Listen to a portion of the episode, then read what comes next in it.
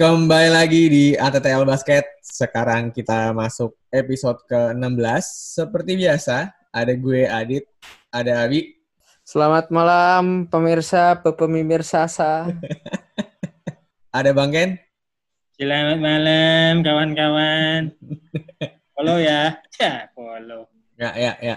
Jadi mungkin karena tadi Bang Ken sempat ngomong follow-follow, jadi gue ngingetin lagi, bisa langsung follow Instagramnya ATTL Basket. Ada di Basket, itu biar teman-teman semua bisa update terkait dengan sekitar dunia NBA, dan tambah lagi follow, juga follow. banyak insight sih sebenarnya dari angle fantasi juga gitu. Jadi sekali lagi bisa langsung follow di ATTL Basket. Nah, follow, follow. mungkin langsung mulai aja sebelum masuk ke topik yang udah disiapin sama Abi sebenarnya setlistnya gue mau melipir ke sini dulu terkait dengan uh, awards yang sempat kemarin kita bahas. Cuma ada hal yang kita lupa sebenarnya. Coach of the Year. Nah, Coach of the Year. Benar. Koti, koti. Yoi. Nah ini tuh uh, dari National Basketball Coaches Association (NBCA) itu Senin kemarin tuh udah ngeluarin uh, pemenangnya versi mereka gitu ya. Ini beda dari yang akan nanti dikeluarin di NBA Awards sih. Cuman yang menarik adalah uh, ini bukan satu orang yang menang, tapi dua orang. Ada co-winners, ada Mike Budenholzer sama Billy Donovan. Yang di mana menurut gue ada kemungkinan ini bisa jadi gambaran apa yang akan nanti ada di NBA Awards sih gitu. Cuman mungkin gue mau ke dulu. Uh, terkait yang kemarin kita lupa nih, buat yang uh, prediksi lo, buat yang jadi NBA Coach of the Year nanti siapa Bang Ken? Ah, kayaknya sih Mike Budenholzer sih. Cuma kalau Billy Donovan juga seru sih, tapi gue lebih ke si Mike J lah si Mike. Soalnya Bucks tuh tahun ini kenceng banget itu larinya. Tapi, tapi tim itu memang dimotori oleh Yanis ya. Ya kalau kita bisa bicara Yanis doang, tentu kan nggak fair juga kalau kita nggak mention coachnya. Di mana memang coachnya ini reputasinya memang bagus dan memang dia secara ofensif, secara defensif juga memang emang bagus. Ya, ya dia deserve lah buat coach of the year kalau memang ini tahun ini ada pemenangnya? Pasti ada sih ya. Nggak mungkin nggak ada kan. Oke, oke, oke. Kalau misalkan lo gimana, Bi? Gua Nick Nurse atau Bill Donovan sih. Gue Budenholzer merasa udah udah cukup udah cukup maksud gue apa ya versi dia eh, apa eh, peran dia nggak terlalu ini sih nggak terlalu signifikan karena dia punya pemain uh, All Star di Giannis dan udah megangin tim ini udah beberapa beberapa tahun kan jadi maksud gue ya ini sih nggak nggak fair lah kalau dia yang menang kalau gue ya tapi walaupun dia ini juga bagus gitu loh ya ya ya, ya. tapi kalau gue prefer si um, Billy Donovan sih itu dia ya? dapat pemain iya dapat pemain Chris Paul tukar sama Westbrook yang stylenya beda terus dia harus incorporate dia kehilangan Jeremy Grant juga which is cukup useful dia harus mengintegrate uh, Danilo Gallinari dan kawan-kawan. Menurut gue itu sebuah ini sih sebuah apa ya kehilangan Paul George, kehilangan dua superstar tapi sekarang malah bertengger di posisi 5 atau 6, gue lupa sekarang terakhir. Posisi 6 gue ya. 6 ya, posisi 6 Western Conference menurut gue itu super ini sih, super apa achieve it's, it's a good achievement sih. Jadi gue I'll pick him for the coach of the year sih. Ya ya ya, menarik menarik. Jadi kalian berdua sedikit uh, menyesuaikan dengan apa yang ada di uh, dari NBCA ya gue sih sebenarnya juga yes. uh, agak condong ke Billy Donovan awalnya gitu kan. Cuman bisa dibilang uh, hampir dua minggu terakhir ini agak berubah pandangan gue gitu. Gue akhirnya lebih condong ke Nick Nurse gitu kan. Soalnya hmm. uh, pertama simple, basically kan kalau misalkan kayak Budenholzer memang bisa dibilang apa ya, voters fatigue kali ya. Karena kan bisa dibilang hmm, dua hmm, season hmm, terakhir juga Bucks emang oke okay, dominan, so it's nothing new lah jadi uh, in terms of Budenholzer sendiri juga mungkin namanya jadi kurang bagus di mata voters juga. Nah, kalau misalkan Billy Donovan sesuai dengan pilihan awal gue lah bahasanya gitu. Itu tadi kayak yang Abi bilang sih, basically OKC kan memasuki season ini uh, bisa dibilang di posisi yang sangat tidak jelas gitu kan. Maksudnya uh, sebelum main ya tentunya kan, dengan piece yang mereka punya tuh sebenarnya pengen ngapain sih gitu. Dan gak ada orang yang expect kalau misalnya mereka akan ada di uh, masuk di playoff bahkan gitu kan terutama pas awal-awal dibilang wah si Pitri ini kira-kira bakal di lagi apa enggak Galinari bakal di lagi enggak. Cuman ternyata Billy Donovan tuh bisa memanfaatkan itu. Emang ternyata tuh di oke si Thunder tuh yang rusak Russell Westbrook emang. Oh masih lah ya masih ya. Jadi tetap si Pitri over Russell Westbrook any day of the day eh, Biar kita udah ngomongnya. Matt, ya, tapi satu hal ya yang mau di note. Jadi uh. di vote voting NBCA itu Nick Nurse tuh cuma butuh satu vote lagi supaya itu buka jadi three way tie. Jadi Oh, menarik ya. Jadi benar-benar nah. emang setipis itu, Bos. Iya, posisi ya, tiga ya. Iya, di posisi setipis ya. Jadi maksud gue emang ya tahun ini rada unik sih. Ya, rada ya, unik ya. lah. Cuman award ini emang vote-nya dari 30 head coaches lainnya ya. Ya artinya untuk vote sesama rekan mereka sendiri. Berarti ada ada yang vote buat diri dia sendiri dong, ada nggak? Kayaknya nggak boleh vote sendiri deh. Perlu ditanyakan tuh, mungkin gue SMS dulu deh sih. Billy Donovan. Bro, lu milih siapa kemarin bro? Iya, bisa telepon-teleponan lah. Lu kan deket sama gue kan. Yeah. gue dong. Terus tanya dijawab. Kayak misalkan kayak jamuran kemarin sempat ditanya gitu kan. Lu nggak mungkin kan, gue nggak milih diri gue sendiri buat menang Rookie of the Year. Nah itu ntar Billy Donovan jawabnya sama tuh. Ya masa gue nggak milih diri gue sendiri? iya lah sih saya juga butuh uang lebih nih Pak. dapat uang tapi tapi tadi sempat kesebut Nick Nurse tapi Nick Nurse juga kalau emang dia secara point NBA point of view jadi coach of the year juga emang dia juga bagus sih Matt. Soalnya kan Raptors kan tahu sendiri kan ditinggal Kuai, defensif mereka masih tetap sama, terus pemainnya sama, kemampuan mereka juga hampir-hampir ya kayak nggak ada bedanya lah, ada Kuai atau nggak ada Kuai masih sama dan mereka bisa ngalahin Lakers juga. Waduh, keren ya. Nah ya, makanya jadi kayak uh, akhirnya gue lebih condong ke Nick Nurse. Pure karena sama kan sebenarnya mereka defending champion ya. Cuman sampai hmm, hari ini iya. pun masih dicap sebagai underdog gitu loh. Cuman gara-gara ah. ada Kawhi doang sebenernya ya. Makanya itu sedikit ini sih, sedikit meremehkan gitu makanya jadi meskipun memang tadi pagi dia acak-acak sama Celtic sih cuman tetap menurut gue Nick Nurse deserve dan meskipun tadi kalau misalkan agak lebih serius sedikit tiga nama itu kalau menang sih sebenarnya gue nggak kaget sama sekali gitu karena masing-masing ya, ya. dengan poin mereka kelebihan mereka masing-masing kan cuma satu yang gue kaget tuh adalah ini eh, nggak uh, banyak atau bahkan gue nggak nggak tahu sama sekali kalau misalkan ada yang menominasikan Frank Vogel padahal kan bisa dibilang dia bawa uh, tim nomor satu di West kan uh, dengan angle biasanya kan uh, coach di tim masing-masing conference yang di ranking satu itu kemungkinan besar pasti akan ada di conversationnya kan cuman Frank Vogel yeah. sendiri malah nggak dibawa itu agak unik sih menurut gue Nah kan pelatihnya LeBron. Pelatih LeBron, GM-nya LeBron. Ya, iya, semuanya. Eh, Pelinka sama Vogel tuh formalitas doang ya. Agak Yoi. pusing kalau misalnya ini, Matt. Kalau misalnya lu mesti gabungin Dion Waiters, J.R. Smith, tuh kayak masuk tambah-tambahan itu. Kayak. Lu kalau jadi coach sebenarnya kalau bukan LeBron yang ngatur tuh pusing sih, asli. Itu levelnya guru BK, bro, bukan coach, bro.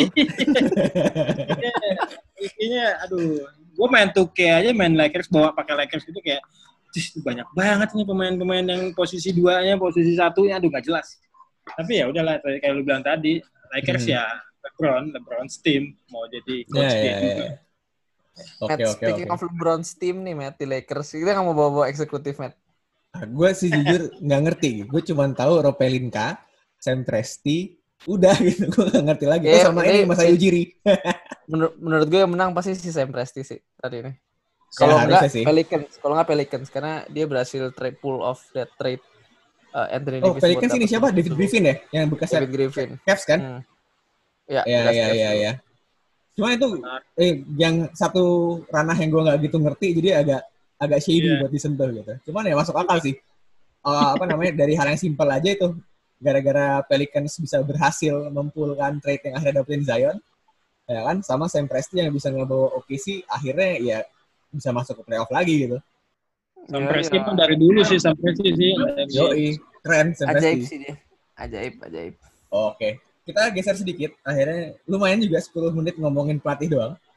Jadi seperti yang kita tahu, Lakers sama Bucks itu kan akhirnya udah eh long overdue sih. Mereka udah clinch uh, seat satu mereka.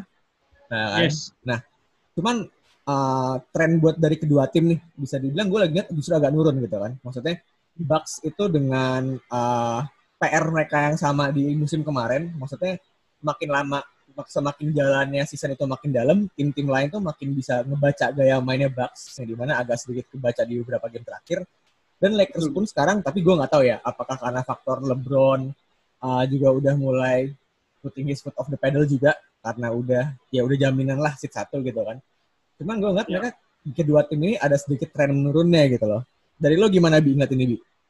Eh, menurut gue ini sih, jadi lu Lakers ya, gue gue akan membela Lakers sedikit di mana lu udah go through 60 games dengan formula yang cukup paten dan hmm. terbukti berhasil dan lo kehilangan dua key cog, kehilangan dua gear yang penting gitu di mesin lo, Avery Bradley sama Legend Rondo. Dan notabene both play a very very important scheme di defense satu sama second unit offense kan. Walaupun hmm. sebenarnya Rondo emang eh, debatable lah dia emang sebenarnya bawa apa sih ke tim ini. Tapi maksud yeah, gue yeah. adalah apa ya plugging in um, Dion Waiters dan siapa tuh si, si J.R. Smith it's not gonna be easy gitu maksud gue ya dan sekarang pasti dan kemarin gue juga dengar-dengar bahwa Lakers internally mereka facing some kind of adversity gitu mereka lagi lagi lagi mau mencoba talk things out lah. Apakah hmm. perlu ada line up change dan kawan-kawan gitu. I think maybe Caruso akan dimasukin ke starting line karena KCP kalau kita lihat emang bagusan jadi second unit lebih ngejar sama Kuzma dan kawan-kawan. Dan maybe Caruso akan masukin karena defensively dia butuh that grit dan butuh that hot start gitu sih LeBron.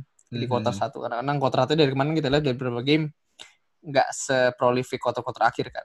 Dan yeah, sedangkan yeah. itu kita quarter akhir Caruso itu main gitu kadang-kadang. Mm. Di on crunch time. Menurut gue emang I think they need some some tweaks lah.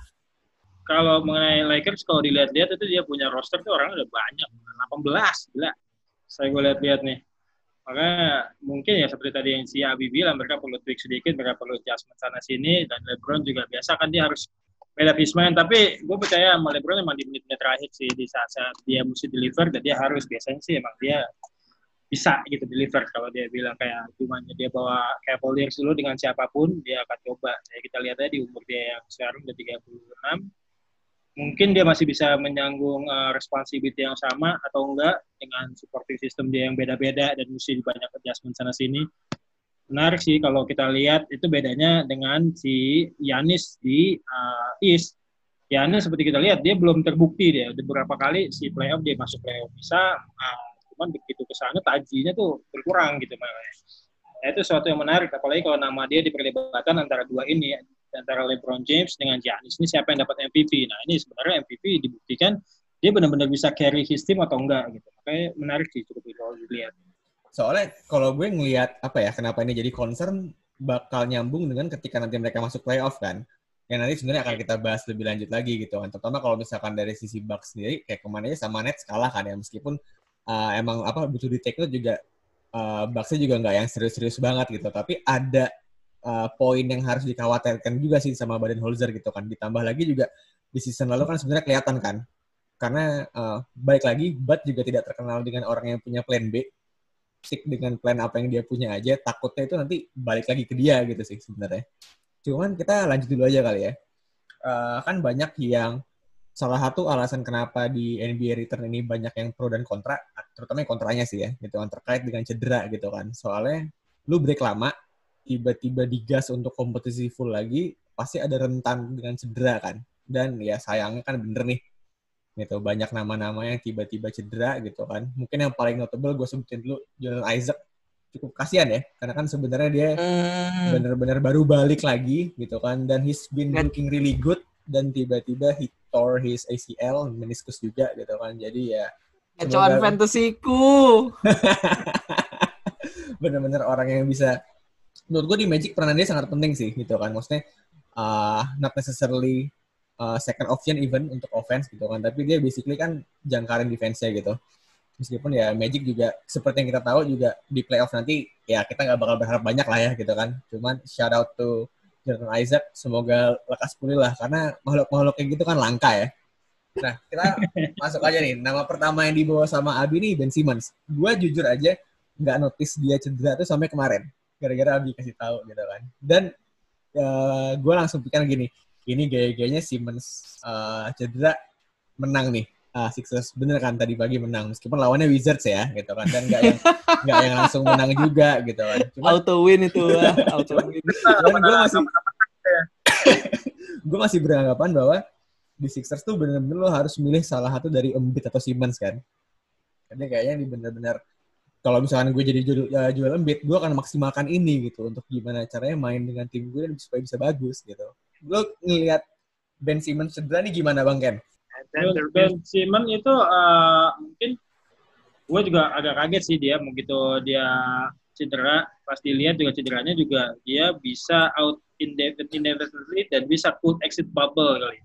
Jadi uh, from sekarang from, apa from this point of view langsung dia nggak bisa main sampai masuk playoff itu juga kecil gitu kemungkinan buat dia main lagi.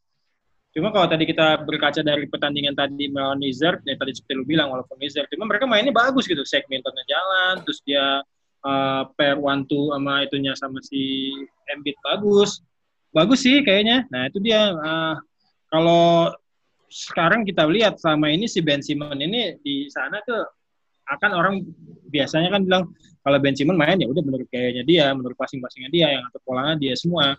Dan kalau lagi bentrok moodnya sama si Embiid, nah mereka agak susah menang. Apalagi tambah lagi Tobias Harris yang juga pengen bola juga untuk untuk scoring gitu.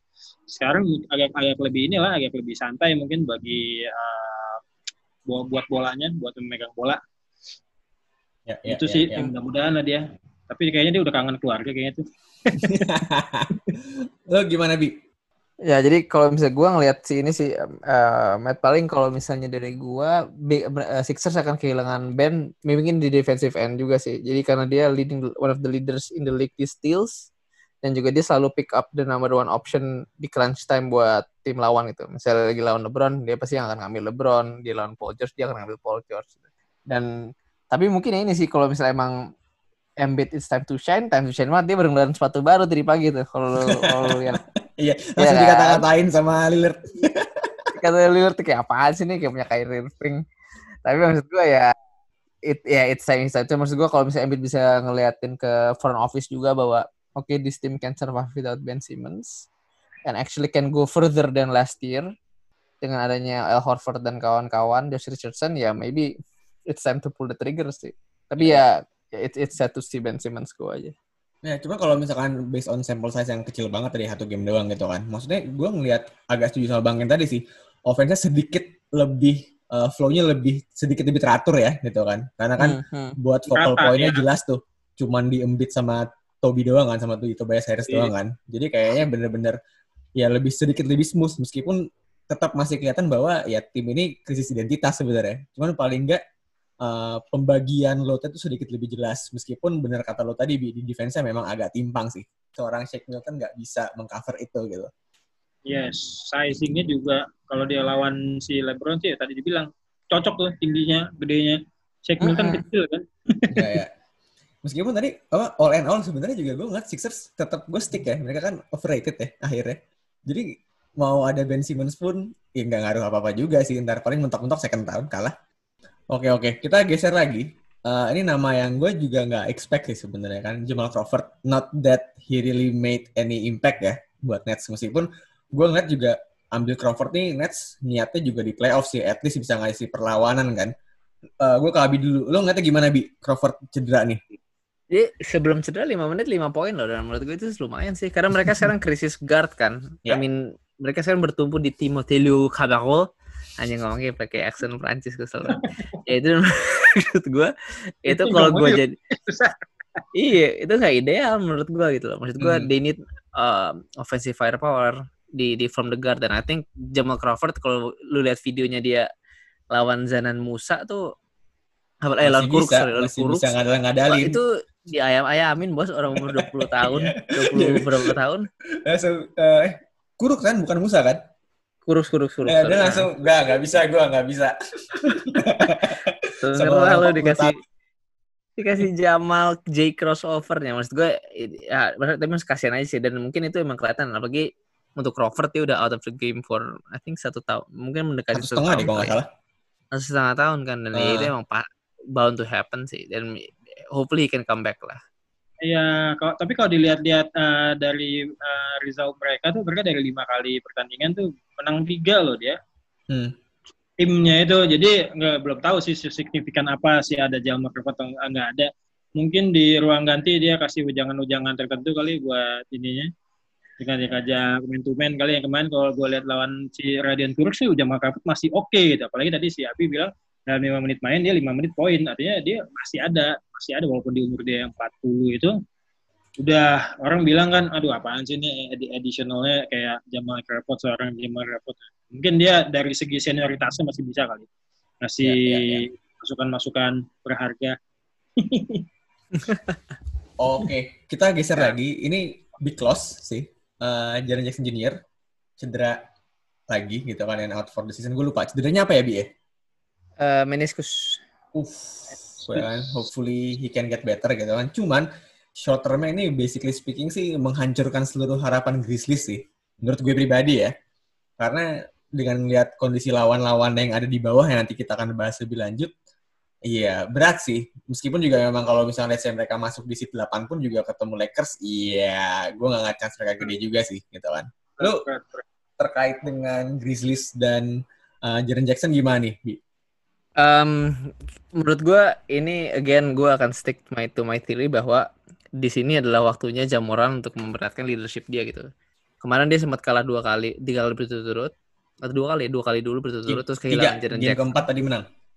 Enggak maksud gue ini empat kali sebelum ya, sebelum kehilangan Jaren Jackson. Oh iya, iya, iya.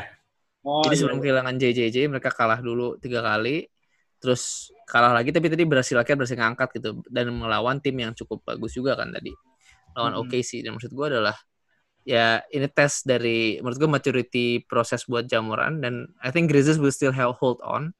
Uh, karena kalau dulu lihat sebenarnya JJJ itu skill setnya offense kan.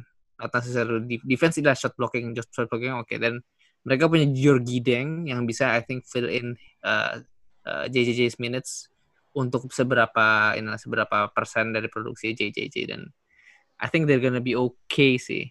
Walaupun akan kehilangan key cog cuman ya itu harus ada yang step up kayak Grayson Allen produksi offense harus di pick up lagi sama yang lain kalau gue lihat di absennya si Jaren Jackson Jr. ini yang akan uh, ambil alih itu kayaknya si Slomo deh Slomo Mr. Slomo Kyle Anderson kalau udah lihat walaupun itu dia cukup cukup mengganggu gitu untuk di ini untuk di offense mereka di ribuan mereka stealnya masih lumayan dong walaupun ya mungkin banyak kalau di big man mungkin si Jonas Valanciunas mungkin ininya heavy weightnya lebih heavy kali dan si Brandon Clark mungkin bisa uh, take over. Tapi benar sih si Abi bilang ini saatnya si Jamoran untuk melihat dia punya leadership dia punya maturity prosesnya tuh uh, bisa berjalan baik atau enggak with atau without Jaren Jackson. Tapi ya seperti yang kita tahu kalau mereka pun berhasil mempertahankan posisi mereka dan berhadapan dengan Lakers, ya kayaknya susah sih kayaknya.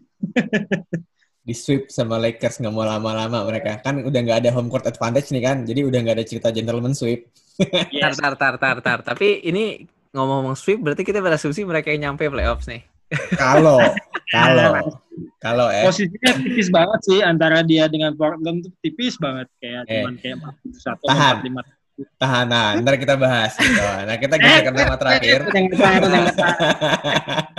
Kita geser ke nama terakhir. Nama terakhir Jamal Murray. Uh, ini gue ke Abi dulu lagi nih gitu kan. Dia ceritanya kenapa Abi Uh, eh, ngomong sih hamstring pak. Karena golf golfnya tanda kutip nih ya. Dia swingnya kayak swingnya tempat lain tuh kayak swingnya. Iya yang di swing stick sih. Gue atas sticknya driver stick lima enam tujuh air stick apa tuh? Mungkin kali ini dia di swingin sticknya. Bisa jadi. di swingin aja. Mau sih kalian? Tapi itu sih maksud gue Jamal Murray. Dan pernah unik sih. Mereka entah kenapa bisa masih kehilangan tiga starternya di backcourt atau the small small small guards Jamal Murray, Gary Harris sama Will Barton tapi masih bisa survive aja bos karena ada satu nama yang mungkin nanti kita akan bahas lah nih si si hmm. ganteng satu dari Virginia Yo, tapi mas gue itu sih mereka itu juga ngeliatin Mike Malone dan kayak the, this whole offense runs on Jokic gitu.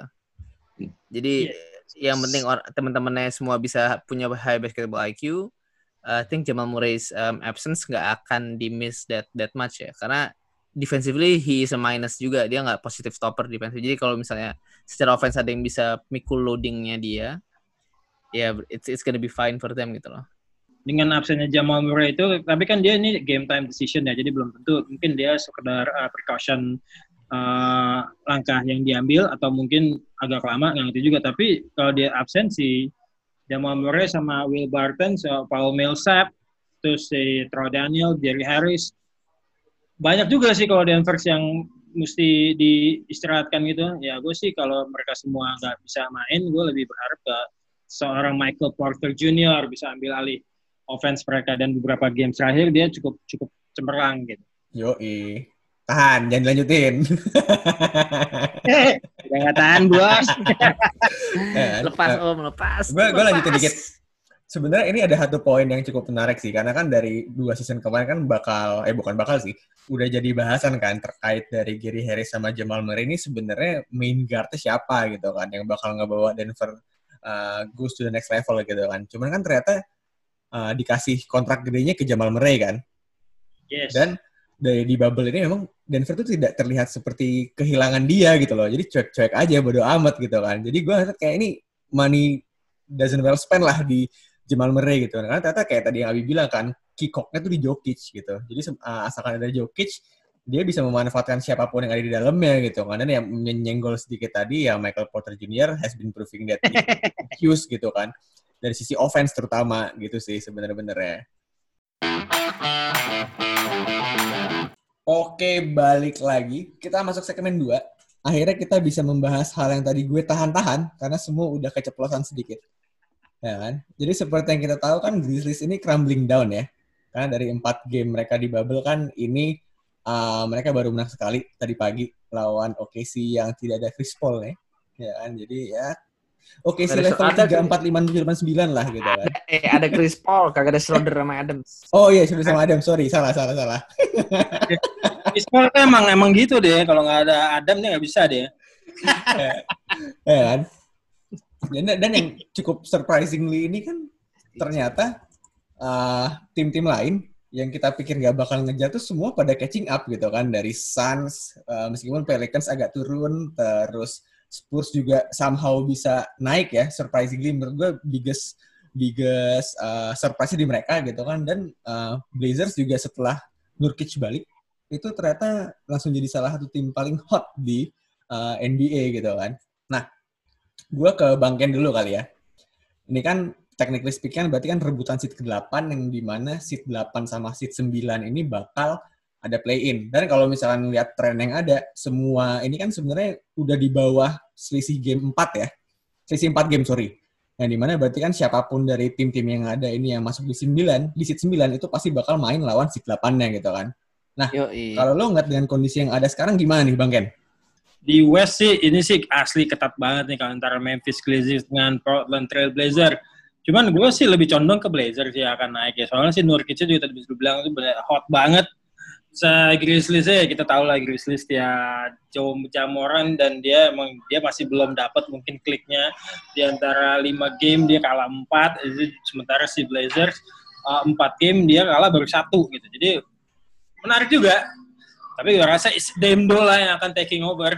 Cuman kalau bicara mengenai West uh, agak kasihan agak kasihan mereka di kayak Phoenix Suns tuh. Phoenix Suns tuh asli ya nggak disangka-sangka ya cuman sayang mereka mungkin panasnya telat-telat gitu ya. Jadi, jadi antara Phoenix Suns, Pelicans sama si Spurs itu sebenarnya juga tipis-tipis juga. Cuman Phoenix Suns sih masih unbeatable ya di bubble ini. Cuman menarik sih lihat tapi ya agak berat sih kalau dia mau dulu ke atas. gua yang pertama shout out to my boy Bosnian Beast Yusuf Nurkic. Beast. Bro, Bosnian Beast dan gua ini sih gue jujur kalau misalnya gue harus mencoba pick one to go through itu gue akan kayaknya sih akan jadi Trailblazers dan Spurs. Pick two sorry pick two untuk main play in mm-hmm. uh, dan I, I think mungkin Trailblazers will will go and get that final seat. Jadi ada uh, prediksi gue yang awal Pelicans akan uh, lolos nggak terjadi. Thank you ya. Jauh. Jauh bro. Nggak jelas. Dan maksud gue ini sih gue seneng yang lihat Suns bangkit tuh berarti one at least kalaupun eh, analisis gue terhadap Pelicans salah, analisis gue terhadap Cam Johnson dan Michael Bridges menjadi yeah. positif player di Suns itu terjadi ini. Gue senang banget. You win some, you lose some. Oke okay lah. You win some, you lose some. Cam Johnson next year, tapi gue, menurut gue, Suns terlepas mereka masuk ke play apa enggak, Cam Johnson I think will go into the starting lineup sih tahun depan. Ya, yeah, setuju, setuju, setuju, setuju. Jadi sih sebenarnya gue sebelum masuk, eh nih, gue bener-bener apa ya, dibilang kasihan enggak sih gitu kan. Gue cuman gue ngeliat Pelicans ini udahlah dibantuin sama NBA gimana caranya biar lo punya kesempatan masuk ke play in gitu kan. tapi gagal gitu loh. Dan they fail miserably gitu kan. Agak kasihan sebenarnya. Terutama tuh my boy Lonzo Ball gitu kan. Kasihan meskipun performa dia uh, semenjak hmm. masuk ke bubble nih jelek sih sebenarnya. Jauh dibandingin dia sebelum uh, break kemarin kan. Nah, cuman yang cukup menarik sih sebenarnya juga Sun sih. Yang di mana juga Sun sama Spurs itu adalah dua biggest surprise. Gitu kan. Basically shout out to Devin Booker. Devin Booker itu dia apa ya, benar-benar uh, membuktikan kalau misalkan dia tuh bisa step up gitu kan. Kenapa? Karena uh, nyambung kayak tadi Abi bilang, ketika dia punya bisa dibilang uh, personal tim yang pas ya, ada Michael Bridges sama Cam Johnson, bener-bener kelihatan banget seorang Devin Booker itu load untuk offense jauh lebih lepas. Ditambah lagi bener-bener kayak yang gue pernah bilang zaman kita masih di fantasy kemarin, edition Ricky Rubio tuh handy banget gitu. Uh. Karena bener-bener loadnya di Booker itu bisa dibilang agak sedikit lepas gitu kan. Jadi gue bener-bener ngeliat Sun sih kayaknya buat di season ini kayaknya enggak gitu. Cuman dua season, tiga season ke depan tuh bisa sangat menarik gitu kan. Tambah lagi ngeliat kayak seorang Cam Johnson itu adalah much better fit sama DeAndre Ayton dibandingin Saric. Dan kelebihannya yes. lagi adalah Saric itu ternyata malah lebih excel dia main di second unit kan. Jadi kayak somehow tuh dengan semua yang ada win-win solution buat Suns gitu kan. Jadi major shout out buat Monty Williams. Dia bener-bener yes, dapetin yes. semua secara bener di season ini sih. Yang menarik sama Spurs ini kan bisa dibilang nggak ada Aldridge gitu kan, tapi malah ngangkat ya. Yang di mana gue bener-bener sama nih sama Abi gitu kan. Gue ngeliat bahwa kalau misalkan uh, Grizzlies itu bakal jatuh, ya kan? Karena kehilangan Jaren Jackson itu pasti ada impact-nya di offense gitu kan. Karena gue nggak ngeliat dengan personel yang mereka punya bisa keeping up lah gitu kan. Nah, yeah. cuman mungkin gue ke Abi dulu nih buat yang ini. Uh, chance Spurs ya, maksudnya dengan dengan komposisi yang mereka punya gitu kan. Kalau misalkan harus ngadu sama Blazers dengan skenario yang tadi lo sampai itu gimana bi? Nah ini unik nih karena Spurs tadinya gue lihat the biggest weakness adalah um, going into the bubble itu nggak punya reliable front court. Jadi mereka nggak punya center yang yang yang bisa inilah. Cuman ternyata dan gue emang uh, maksudnya apa ya? Dan satu yang kita bilang ke teman-teman di IG kan juga um, Lonnie Walker bakal breakout kan dan dia constantly uh, bisa skor 11-12 poin per game dengan uh, apa namanya? Uh, defense yang cukup baik. Itu menurut gue udah cukup tuh. Nah, ternyata Jacob Poeltl nih makin lama entah kenapa makin naik. Mungkin dia kayak mesin diesel kali ya. Awal-awalnya cuma main 15 menit tapi sekarang udah mulai bisa keep up 20 sampai 22 menit dan uh, being a plus player on both offense and defense. Tadi pas lawan uh, lawan apa sih tadi siang? Ya pokoknya game hari ini itu benar-benar ini banget sih uh, lawan Jazz. lawan Jazz ya. Dia show out banget hmm. walaupun again Jazznya tanpa Rudy Gobert. Um, ya menurut gue Jacob Poeltl bisa hold on against Jusuf Nurkic sih on, on a tight situation. But again the the the apa ya CJ McCollum and Damian Lillard lawan Dejounte and um, Derrick White. Itu akan menjadi sebuah clash of karena uh, uh, Dame sama CJ itu benar-benar offensively gifted dan mereka benar-benar offensive uh, dynamo. Derrick White sama Dejounte itu udah benar-benar kayak defensive inilah defensive wall dan gue akan sangat seru sih tapi if I have to choose I will pick uh, ini sih uh, Portland. Spurs Blazers gue sih ya tadi seperti gue bilang Blazers tuh lagi ini banget apalagi tadi ada si Bosnian Beast sama si Grizzlies kemarin. Dia mereka melihat Grizzlies ini kayaknya chance-nya akan menurun mereka akan genjot banget. Apalagi ini uh, peluangnya tipis banget mereka gue habisi uh, gue nggak tahu sih next uh, partai mereka melawan siapa lagi. Cuman pasti di next game mereka akan benar-benar segala daya dan upaya supaya nggak missing out di playoff kali ini. Kalau bicara mengenai Spurs emang agak jauh sih ya, cuman gue lebih ke Blazer sih karena motivasinya juga tinggi, kesempatan dia juga benar-benar terbuka banget. Tinggal tunggu aja kalau ada yang cedera atau enggak ya mudah-mudahan sih nggak ada ya. Karena kalau ngomongin Spurs, Spurs itu ya sekarang karena nggak ada si uh, LaMarcus Aldridge, mereka akan depends totally ke DeMar DeRozan, ke Rudy Gay, sama si Derek White yang kadang-kadang bau, kadang-kadang wangi, kadang-kadang bagus, kadang-kadang enggak. Jadi ya agak susah sih. Cuma kalau bicara mengenai Dame Dola itu kayaknya always hot deh. gitu aja sih. Seru, seru, seru, seru, seru. Narik, narik, narik. Nah, uh, spesifik Spurs nih gitu kan. Gue akhirnya tadi lihat-lihat sedikit terkait dengan game-game mereka sebelumnya gitu kan dan kalau misalkan dari sebatas gue nonton highlights tadi game tadi pagi aja sih sebenarnya. Gue ngeliat bahwa kayak misalkan uh, apa ya surgeonsnya dari si Pertol ini agak nyambung dengan strateginya Pop uh, mainin DeMar DeRozan itu adalah sebagai seorang power forward. Di ini ya at least di di scoring sheetnya ya. Yang di mana yes. benar-benar Pertol itu kan bisa dibilang kita tahu mobilitasnya nggak semobile itu ya. Dengan adanya Drozen yang bisa dibilang uh, pemain paling tinggi setelah dia di tim, Pertol tuh benar-benar bisa memaksimalkan presence dia di dalam sih gitu kan, baik offense dan defense gitu. gitu. Jadi kayak benar-benar rasanya strategi itu berjalan sama ada satu lagi sih. Uh, salah satu threat terbesar Spurs uh, di season ini kan dengan hilangnya Davis Bertans adalah nggak punya orang yang bisa dibilang uh, presence three di three point shootingnya banyak kan. Dan even di John Murray kita tahu he's not a good shooter uh, outside. Bellinelli. Bellinelli. Terus Bellinelli tidak pernah dimainin, hanya garbage time aja. Ya. Kan? Nah, dari White juga kan awalnya biasa-biasa aja. Cuman memang kalau misalkan liatin setelah bubble ini, he's been stepping up gitu. Maksudnya uh, he's part of the game dari sisi itu dia angkat. Mungkin kayaknya faktor rambut ya. Dengan rambutnya dia yang kayak gitu, three point langsung jadi bagus gitu kan. Sama ini, nah. sama Lonnie Walker. Maksudnya dengan adanya dua orang itu, yang bisa dibilang uh, threat yang cukup bagus untuk three point gitu kan kayak membuka uh, apa namanya chances Spurs lebih gede sih. Dan dengan mereka ada portal di dalam agak lebih sedikit bisa dibilang uh, free untuk shoot ya. Karena bisa dibilang portal juga presence dia di under the rim itu juga cukup bagus. Gimana bi? Kayak tadi mau ngomong sesuatu tuh. Oh enggak. Maksud gue ini sih apa ya itu mungkin sebuah skema. Ini dari White um, awal musim dia terlihat on off on off. Karena gue juga ngerti nih pop mungkin rada ini kali rada lupa ada Derek White tapi dia selalu start Brin Forbes over Derek White di regular season kemarin. Itu yang gue rada kesel juga sih gue sempat megang Derek White di fantasy. Di mana kalau dia main dia main 25 menit tuh pasti udah dapat satu dua steal satu block tuh. Dan untuk posisi guard kan itu gold main banget. Tapi di main ini kadang-kadang jarang dan gue ngerti. Bahkan Pop yang pas Olimpik kemarin dia maksain dari Kuwait masuk. Dan itu di komen banyak orang ngapain sih nih si Kribo masuk tim USA di bawah kayaknya? Yang kalah dan kawan-kawan tapi begitu regular season nggak dimainin ya itu maksud gue dan sekarang I think Pop udah mulai ingat bahwa ada dari Kuwait dan how good he is dan di dan dijadiin starting lineup mungkin Becky Hammond had something to do with that as well but mm-hmm. I think ya yeah, at this point ya yeah, it's it's dari White's ini sih time to shine dengan DeRozan yeah. move on to that ini ya power forward position. Nah, sama kalau misalkan ngomongin dari quote secara spesifik, terutama kita misalkan kita rewind ke awal musim ya. Gue ngeliat ada faktor ini sih, kenapa dari White itu uh, akhirnya Bin Forbes lebih banyak dimainin bareng Dejounte ya.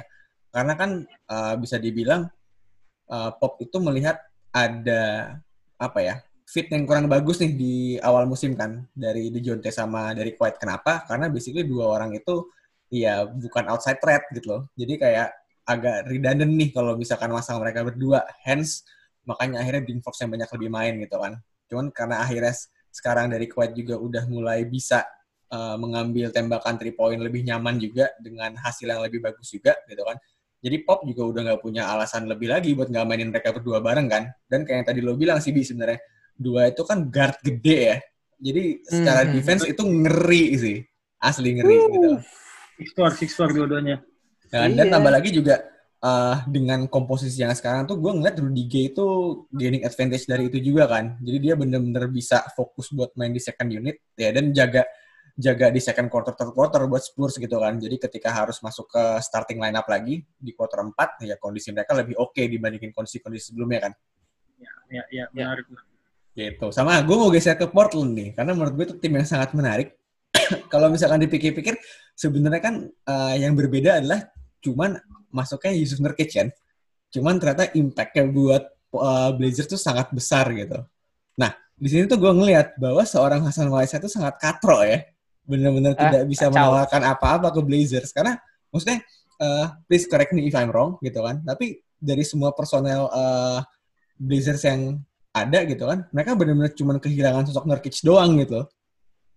Tapi ada satu sih, Matt. Mungkin nanti yang mungkin miss dari ini loh bukan cuma Nurkic is not the only reason loh. Entah kenapa Gary Trent Junior tiba-tiba kesetanan bos. Oh iya, itu gue belum mention. Tapi very five, good point. Five three five three points per game bro. Dan I mean with all the attention going to Dame sama CJ dan juga Nurkic ya, yang mm. emang dia sekarang tuh lu bisa lihat dia tuh passing big. Nggak kayak Whiteside. Whiteside tuh nggak bisa pass. Whiteside cuma jadi roller doang habis pick and roll. Itu dimatiin ya, boy. Nggak ada nggak punya value lain. Tapi Nurkic dia bisa keluar dikit, pegang bola di high post kayak bangken kalau main basket ada cutting dikit kena gitu loh jadi emang high IQ player gitu nggak kayak yeah. Whiteside gue gak ngomong Whiteside low IQ tapi Nurkic punya a higher IQ Berarti lu ngomong gue high, high, high IQ dong? Iya pasti. Cuma kalau bicara mengenai Hasan Whiteside, kayaknya dia balik lagi ke tempat dia kayak jilid player nggak sih? Gue ngeliatnya asli sebel banget. Kayak dia mulai lamban lagi, kayak reboundnya juga ya it's ada, ada nggak ada. Dan dia emang, dia cuma datang kayak, dia kan basically dia harus compete ya minitnya sama si Nurkic ya kalau kita lihat kan. Coach itu paling lihat siapa yang akan bisa kasih positioning kalau uh, bulan-bulan kemarin karena nggak ada Nurkic dia ya udah dia pasti dia eksklusif dia yang main dan makanya kita bisa ngeliat waktu kita pegang ada siapa tuh yang pegang di fantasi kan dia reboundnya tuh 10 10 rebound a game gitu kan terus bloknya juga dua atau apa cuma nggak ada nggak ada saingannya. Sekarang bilang ada saingan yang bisa yang tadi lu bilang tadi high IQ player ya dia baik baik lagi. Kayak malah benar yang lu bilang tadi. Menit itu juga jadi cuma 15 menit terus reboundnya juga 4 ya passing nggak ada three point jangan diharapin lah poin juga ya gitulah.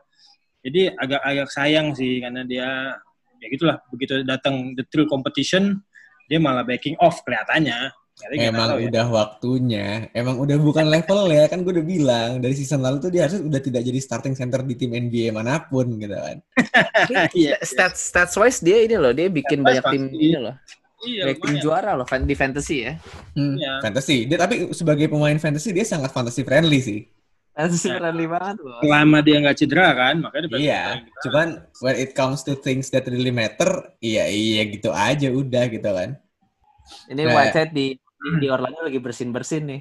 Dia ngomongin kunyil di Indonesia asik. Ya lu bersin di situ mesti diisolasi lu jangan main. Oke, okay, kita geser sedikit.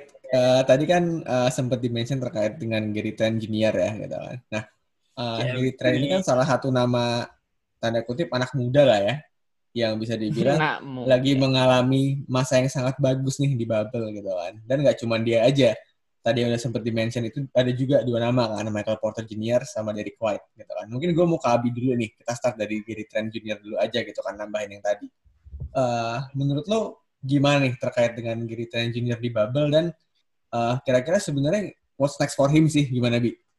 Gue ini sih jadi uh, gue itu waktu itu di awal-awal kita pernah ngomongin beberapa podcast lalu Ariza hilang, Portland have no chance of having that wing player yang bisa stop kan. Hmm. Muncullah si Gary Trent ini dan menurut gue um, dengan cara gaya mainnya uh, Portland sekarang dengan balikin Nurkic, mereka jadi punya fulcrum yang bisa ada bayangin lu Nurkic di tengah dan lu punya Carmelo, Gary Trent, Dame sama CJ. Itu for above average three point shooters ya menurut gue Giri Trent benar-benar ngerti dia role-nya apa dan dia nggak nggak neko-neko gitu ya menurut gue that's where I think apa ya kalau kayak kata Warkop DKI mencari kesempatan dalam kesempitan lah itu ada episode yes, yes.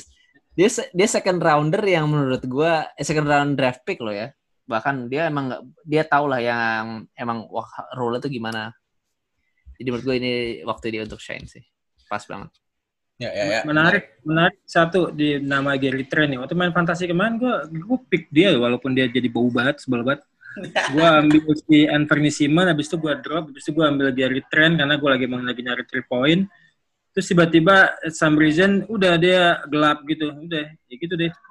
Gue jadi ingetin nama dari Trent, soalnya dia mukanya familiar. Tapi dia emang spesialis akan ke depannya akan menjadi three, three point. point shooter ya. Kayaknya, karena attempt dia juga game tuh minimal 10, 9 gitu udah ngelihat dia passing three point. Emang Blazer memang butuh banget. Mereka juga sementara mereka mengharapkan itu dari seorang Ariza yang ternyata nggak bisa deliver karena mungkin habis di nutmeg jadi dia sebel. Terus dia dia di rot Neighborhood nggak bisa. Nah pas banget nih momennya buat si Gary Trent buat shining up dan di usia dia yang baru 21 dengan kemampuan shoot menembak kayak gitu yang masih bisa ini udah dia sama Dame Dola aja udah mantap gitu jadi parameter shooter atau three point shooter. Bagus bagus.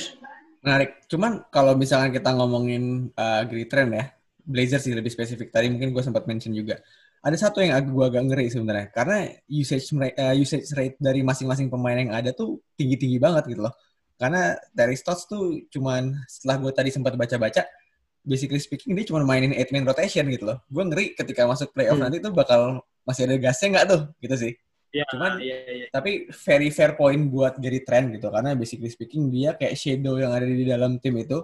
semua mata ke Dame, Nurkic, uh, terus ke CJ McCollum, and to some extent Carmelo gitu kan. Basically dia adalah orang some yang tidak diperhitungkan kan. Dan bisa jadi faktor X juga gitu. Nah.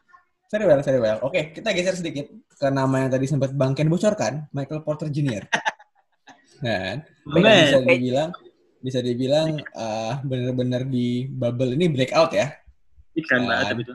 Nah, Bang Ken, gimana Bang Ken?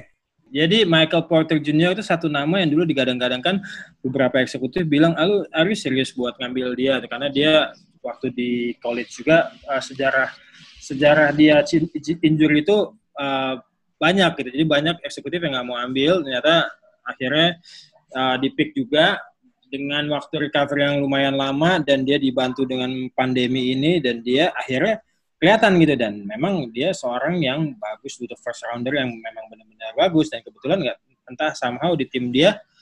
Uh, dia gua rasa sih akan break out dengan cepat deh karena gaya mainnya kayak gitu dan dia punya chemistry bagus dengan Jokic.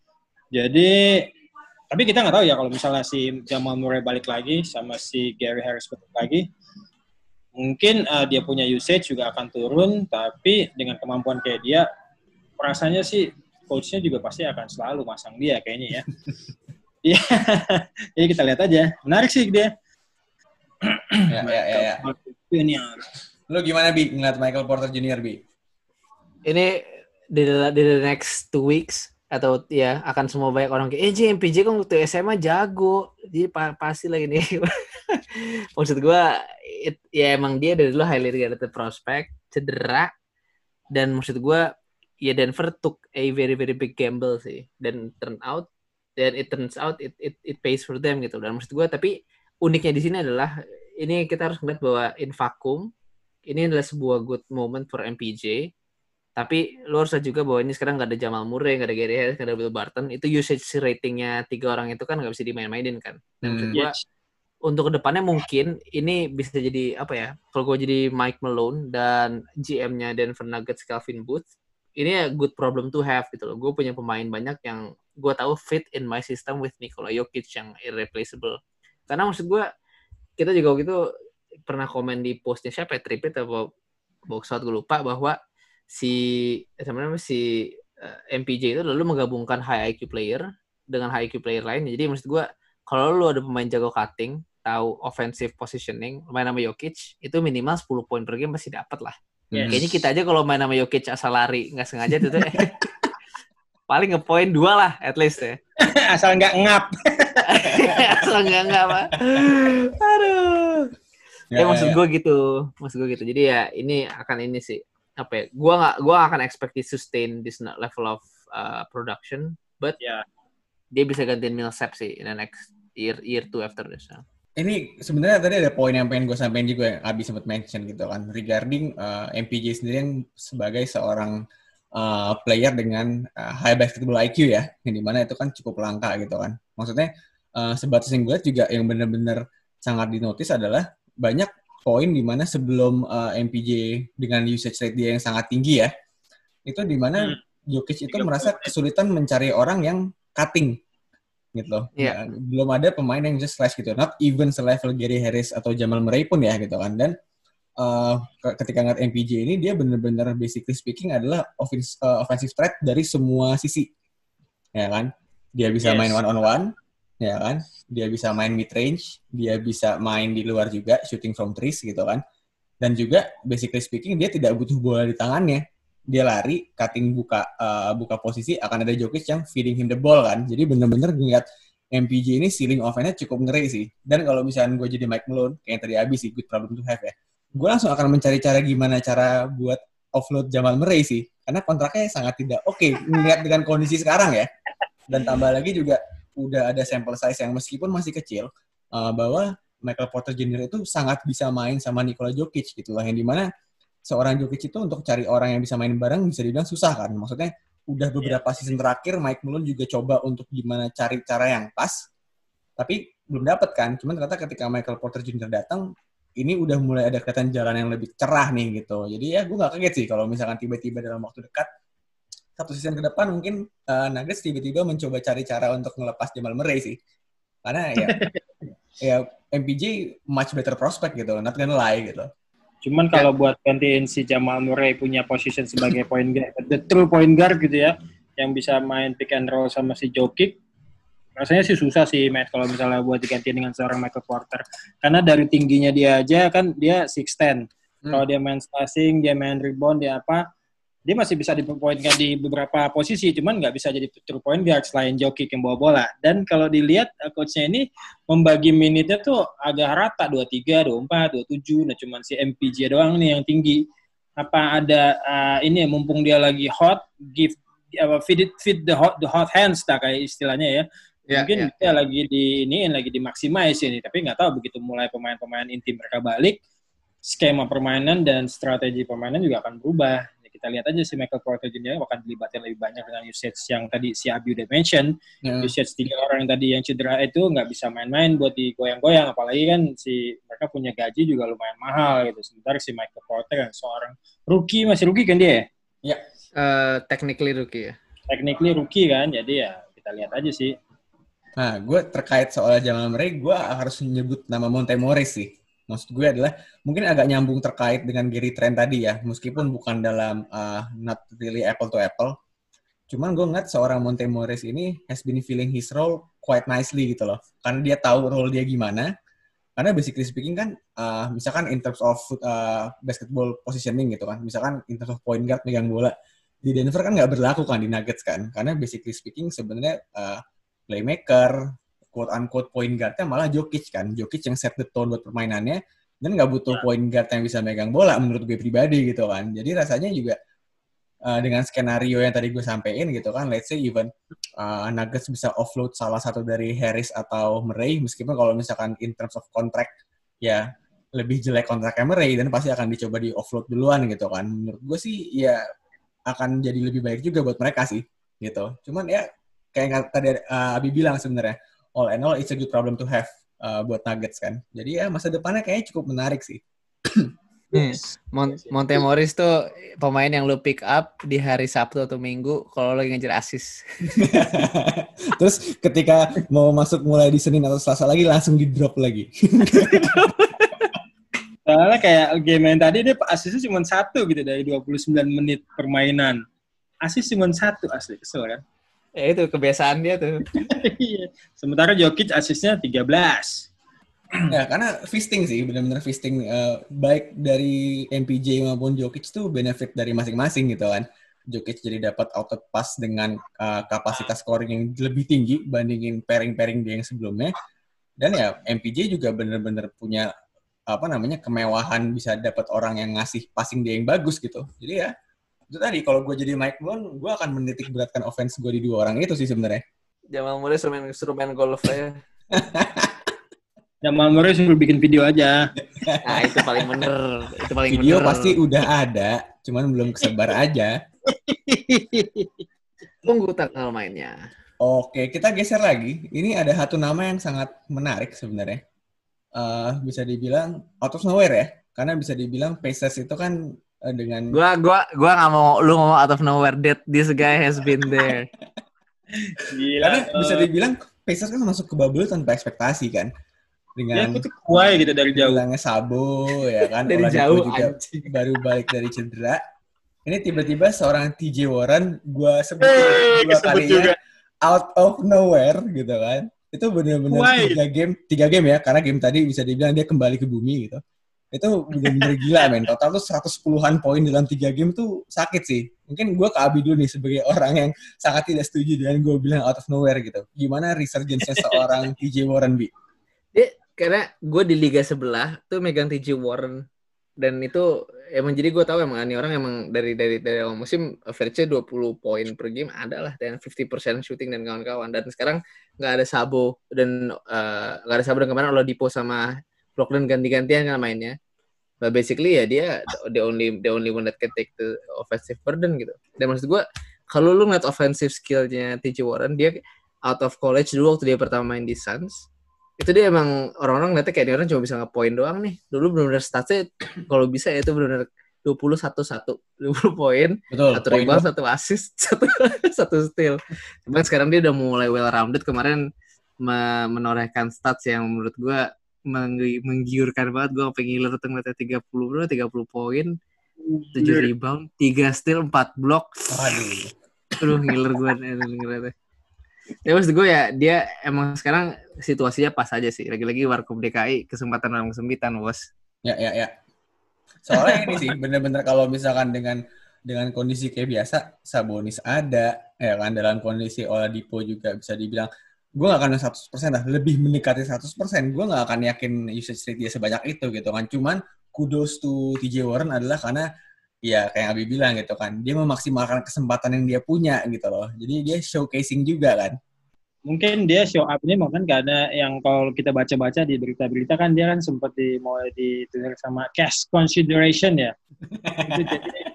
hot banget tuh sudah kayak I'm better than cash consideration.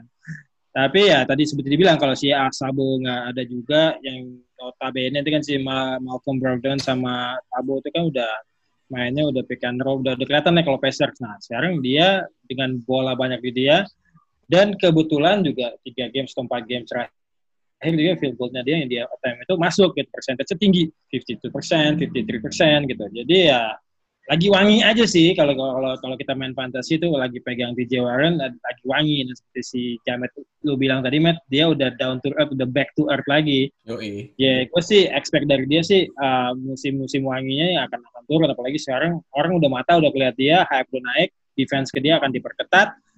Poin dia akan balik lagi menjadi seperti uh, rata-rata 16, 17, 18 per game lah. Nggak nggak akan sewangi yang kayak kemarin-kemarin sih jadi ya, ya, ya. kacamata ya. rabun-rabun ngeliat dia kuaya dari jauh tuh akan rabun lagi. Sorry ya, Bi. Itu nggak kemarin coba dicek dulu waktu lawan saya yang jaga siapa, Matt? My boy Mikal, my boy Mikal tuh kemarin jaga. Ya ya ya. Oke, okay, kita geser lagi. Uh, ya, dari tadi yang belum kita sebut sama sekali adalah Dallas Mavericks, ya kan? Dan mereka bisa dibilang it has been really wrong for them gitu kan. Uh, lu ngeliat mereka gimana bi? Mereka gue entah kenapa di tiap fourth quarter kayaknya lu, lu udah pengen balik ke kamar gitu.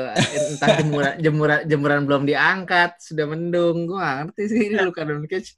Kayaknya gak nah. kebiasaan tinggal di hotel sih bos. Karena tiap quarter keempat ancua bos mereka dari oh. lawan Spurs ancua, lawan Sixers ancua. Eh, Rockets, deh lu lihat tahu lagi udah menang di semenit terakhir bukan kuarter keempat lagi, semenit terakhir yeah. terus bisa offensive tip gitu. Crumbling ya. down. Crumbling down. Tapi maksud gue gini sih, kalau misalnya Rick Carlisle bisa ya, apa ya bisa solve that problem, menurut gue they will make noise in the playoffs ya. At least entertaining lah untuk melawan seat 2, seat 3 nanti. ya, ya, ya. Bang Ken gimana Bang Ken? Ya, Luka Doncic my first NBA All Team jadi point guard ini kayak kebanyakan room service jadi di kamar gue curiga. Dengan badan dia yang makin bohai ini. Asli awal benar tadi lo bilang tadi kuarter 1 2 3 tuh dengan uh, fadeaway-nya dengan baik kayak spin spin jumper spin jumper itu gila. Tapi begitu masuk ke kuarter keempat di mana saat-saatnya it really, it really matters gitu dan dia turun dan atau bau atau enggak asisnya nggak jalan atau enggak apalah terus three point-nya jadi bau ya nggak tahu lah mungkin dilihat. Tapi sebenarnya nggak bisa ke si Luka doang. Memang dia butuh pemain yang bisa bawa bola selain dia. Jadi seorang eh, sebuah tim Dallas itu mereka butuh uh, pemain selain Luka sebenarnya. Jadi mungkin dia dipakai lo itu terlalu banyak dengan dengan masa pandemi kemarin dia udah lama main. Setiap main selang 30 menit ke atas jadi mungkin agak capek kali dia. Ngap. Ngap. Tapi ini juga jadi poin yang sangat uh, perlu dinotis kali ya karena uh, benar-benar menggaungkan apa yang tadi sempat kalian bilang gitu kan. Luka itu eh Luka Mavericks itu basically the best team sampai quarter ketiga habis gitu karena udah quarter yeah. mereka habis biasa kan. Dan satu yang concerning terkait Luka ini sebenarnya. Gue lupa lawan siapa. Jadi intinya adalah crunch time. Semua berpikiran pasti akan dia yang take the shot kan. Cuman tiba-tiba out of sudden tiba-tiba dia ngasih bola itu ke uh, tim Hardaway Junior gitu. Jadi gue ngeliat kayak ada ada apa ya sekelibat mikir apakah luka ini ada potensi menjadi beta male? Karena dia tidak mengambil shot itu gitu kan. Jadi ada kekhawatiran di situ sih